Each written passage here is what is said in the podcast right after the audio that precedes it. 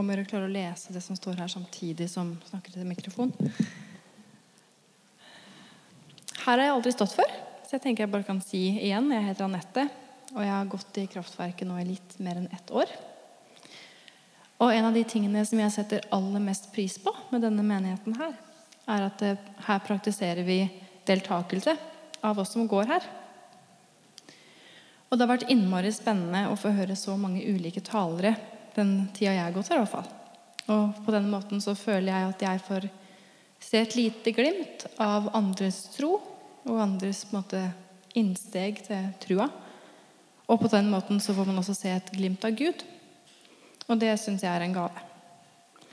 Og i dag så er det min tur til å prøve å gi noe tilbake til dette fellesskapet. I dag er det min tur til å dele noe fra min tro, og forhåpentligvis gi dere også et glimt av Gud. Og så sier jeg 'glimt' med vilje, for jeg tror at vi mennesker aldri sitter på den hele og fulle sannheten. Men vi ser ting glimtvis, i stykkevis og i speil og i gåter. Og jeg tror nettopp ordet 'glimt' er viktig når vi leser den teksten som ble lest i stad også. For den handler om en tid som ingen av oss veit noen ting om, nemlig endetida. Det Jesus sier i dagens tekst, er ikke ord som bare bringer fram trygghet hos oss. I alle fall gjør det ikke det hos meg. Og i søndagene framover så skal tekstene fortsette å handle om nettopp det. For mens vi forbereder oss på at det sårbare Jesusbarnet igjen skal bli født blant oss, legge sin krybbe og forene himmelen og jorda, så hører vi tekster om en annen gjenkomst, nemlig når Jesus kommer igjen for siste gang i endetiden, om apokalypsen. Selv husker jeg at da jeg var konfirmant og vi hadde vært på leir, så sang en av lederne denne sangen 'Og var vi allerede', som ender med 'Da er det for seint å snu'. Jesus kom, og etterlatt blei du. Og Den bygger jo på den teksten som vi hørte i stad. Og jeg var 14 år, og i løpet av den sangen, de tre minuttene det sang å synge den sangen, så hadde min nyvunne og trygge tro fått store og alvorlige brister. Og det tok mange, mange år før jeg fant tryggheten igjen. Når jeg ser tilbake, så hadde nok iallfall jeg trengt å høre noe mer enn bare ordene om dommen om frykten for det å bli rykka opp, eller frykten for det å bli værende igjen. For den frykten den satte seg i meg, og den slo rot og blei der lenge. Nå er det mange år etterpå, og jeg har funnet mer trygghet. Og noe av den tryggheten handler om at jeg ikke lenger føler at jeg må komme med alle svara. Fordi det står også i Bibelen at ingenting skal kunne skille oss fra Guds kjærlighet til Jesus Kristus og at ingen skal kunne rive oss ut av Guds hånd. Og de kontrastene i det Bibelen forteller oss, minner meg om at det er ingen som har hele sannheten. Og akkurat endetiden er det faktisk ingen av oss som veit noen ting om. Men selv om vi ikke kan vite så mye om hva endetiden er, eller hva den innebærer, så veit vi noe om Han som snakker om den, han som forteller oss om den. For den samme Jesus som vi møter i teksten i dag, og som i dag er veldig streng og alvorlig, er den samme Jesus som ble født som en vergeløs flyktning, barn av Gud, som er kjærligheten selv. Den samme Jesus som i dag som formaner oss om å ta et grundig blikk innover for å ta et oppgjør med oss selv, er den samme som vender ansiktet sitt mot menneskeheten og kaller oss jordens salt og verdens lys. Så bildet som evangeliene maler av Jesus, det er kontrastfylt. Og Derfor kan verken orda hans om dommen eller orda hans om nåde stå uten å bli lest i sammenheng av hverandre. For har du det ene uten det andre, så ender vi enten med nådeløs dom eller med billig nåde. Og jeg tror ikke vi er tjent med noen av delene.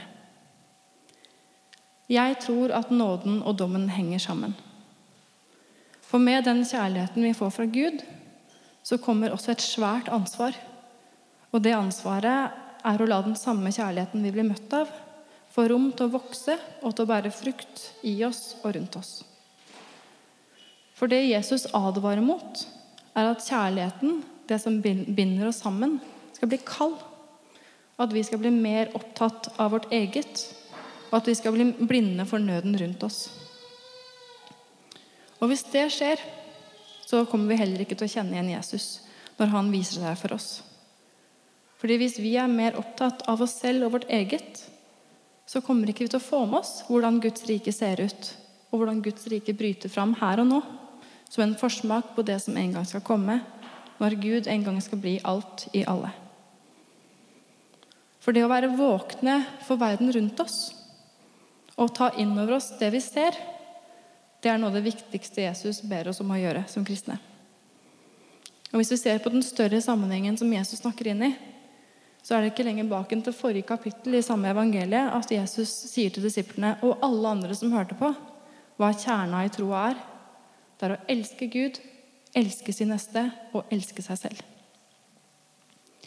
Og sammen med den kjærligheten som vi får fra Gud, kommer dermed også ansvaret om å la den få makt over hvordan vi lever. Vi blir møtt av kjærlighet, og vi skal rammes av kjærlighet. Kjærligheten den forplikter oss, og den gir oss ansvar. Kjærligheten den gir oss ansvar for å kjempe for andres rett. Den gir oss ansvar for å dele av overfloden vår, ansvar for å innrette livet sånn at generasjoner etter oss faktisk veit åssen snø er, ikke bare hører et fjernt rykte om det mens de venter i skrekk for neste storflom. Og Det er det som er utfordringa i dagens tekst, tenker jeg. Kjærlighet forplikter, og den forplikter utover de helt nærme relasjonene våre. Vi lever i en globalisert verden, og vi ser på nyhetene hver dag at våre valg faktisk har direkte konsekvenser for mennesker vi aldri har møtt. Og vi hører sammen, hver enkelt av oss, i dette økosystemet som er jorda. Og vi bindes sammen og holdes sammen av Guds kjærlighet. Felles for alle mennesker er at vi er elska av Gud, og vi utfordres og utrustes til å vise kjærlighet mot alle, også mot dem vi har uvilje mot. Og det å elske, det er en livsinnstilling, og det er det som er poenget i teksten i dag. Vi møter en Jesus som med kraftige ord og med sterke bilder oppfordrer oss til å leve livet i tråd med den trua vi har fått. For om kjærligheten blir kald, så kommer vi ikke til å kjenne igjen Jesus der han er blant oss nå, og slik han en gang vil komme igjen. Derfor så blir vi minnet om i dag at troa vår den teller. Troa vår den teller, og den forplikter oss til å ta oppgjør med eget liv fra tid til annen. Det handler om å vende om og bøte på det gale man har gjort, og det man har forsømt. Men jeg tror ikke vi trenger å gjøre det ut fra frykt. Og frykt har aldri skapt en trygg tro. For det er noe annet Jesus også sier i dagens tekst, som kanskje kan hjelpe oss å holde blikket festa på det som er viktig, og på det som gir oss trygghet og tilhørighet. Fordi utgangspunktet for at Jesus snakker så alvorlig til oss i dag, er jo at selv om himmelen og jorden en gang skal bli borte, så skal Jesu ord aldri bli borte. Orda om kjærlighet, barmhjertighet og nåde skal aldri forsvinne. Og med det som utgangspunkt, med det som basis, så kan vi klare å takle og høre de harde orda, de som gir oss tydelige krav, fordi vi er allerede omslutta og omhylla av Guds kjærlighet. Og det syns jeg er en innmari fin tanke. Fordi om det er sånn at orda om kjærlighet og nåde aldri blir borte, men alltid skal bli stående som en horisont over universet, da kan jeg lene meg inn til de orda og støtte meg på dem når jeg er redd eller ikke veit veien jeg skal gå. For med de orda i bakhuet kan jeg minne meg selv om at samme hva som skjer med meg, samme hvor livet tar meg, så er orda til Jesus sanne og gyldige. De møter meg uavhengig av hvor lite elskelig jeg er, og de forblir sanne. De møter meg i lyset, og de finner meg i mørket. Og selv når jeg en gang opphører å eksistere, så er de orda der. Jeg veit ikke hva dommedag er, og jeg veit ikke hva Herrens dag innebærer. Jeg aner ikke hva jeg skal vente meg. Men jeg finner trøst i at Bibelen forteller at den samme dommeren vi en gang skal møte på dommens dag, er den samme som ser på menneskeheten med kjærlighet og som viser oss igjen og igjen at han lar nåde gå for rett. Til slutt vil jeg lese et dikt av Johan Grip som heter 'Henta'. Barn har en egen måte å bruke språket på. i barnehagen der sønnen min går, blir de f.eks. henta. 'Sunniva, du er henta', roper de når f.eks. Sunniva blir hentet. Og Sunniva slipper det hun har i hendene, løper hvinende nedover skråningen, rett i armene på den som står ved porten og er kommet for å hente.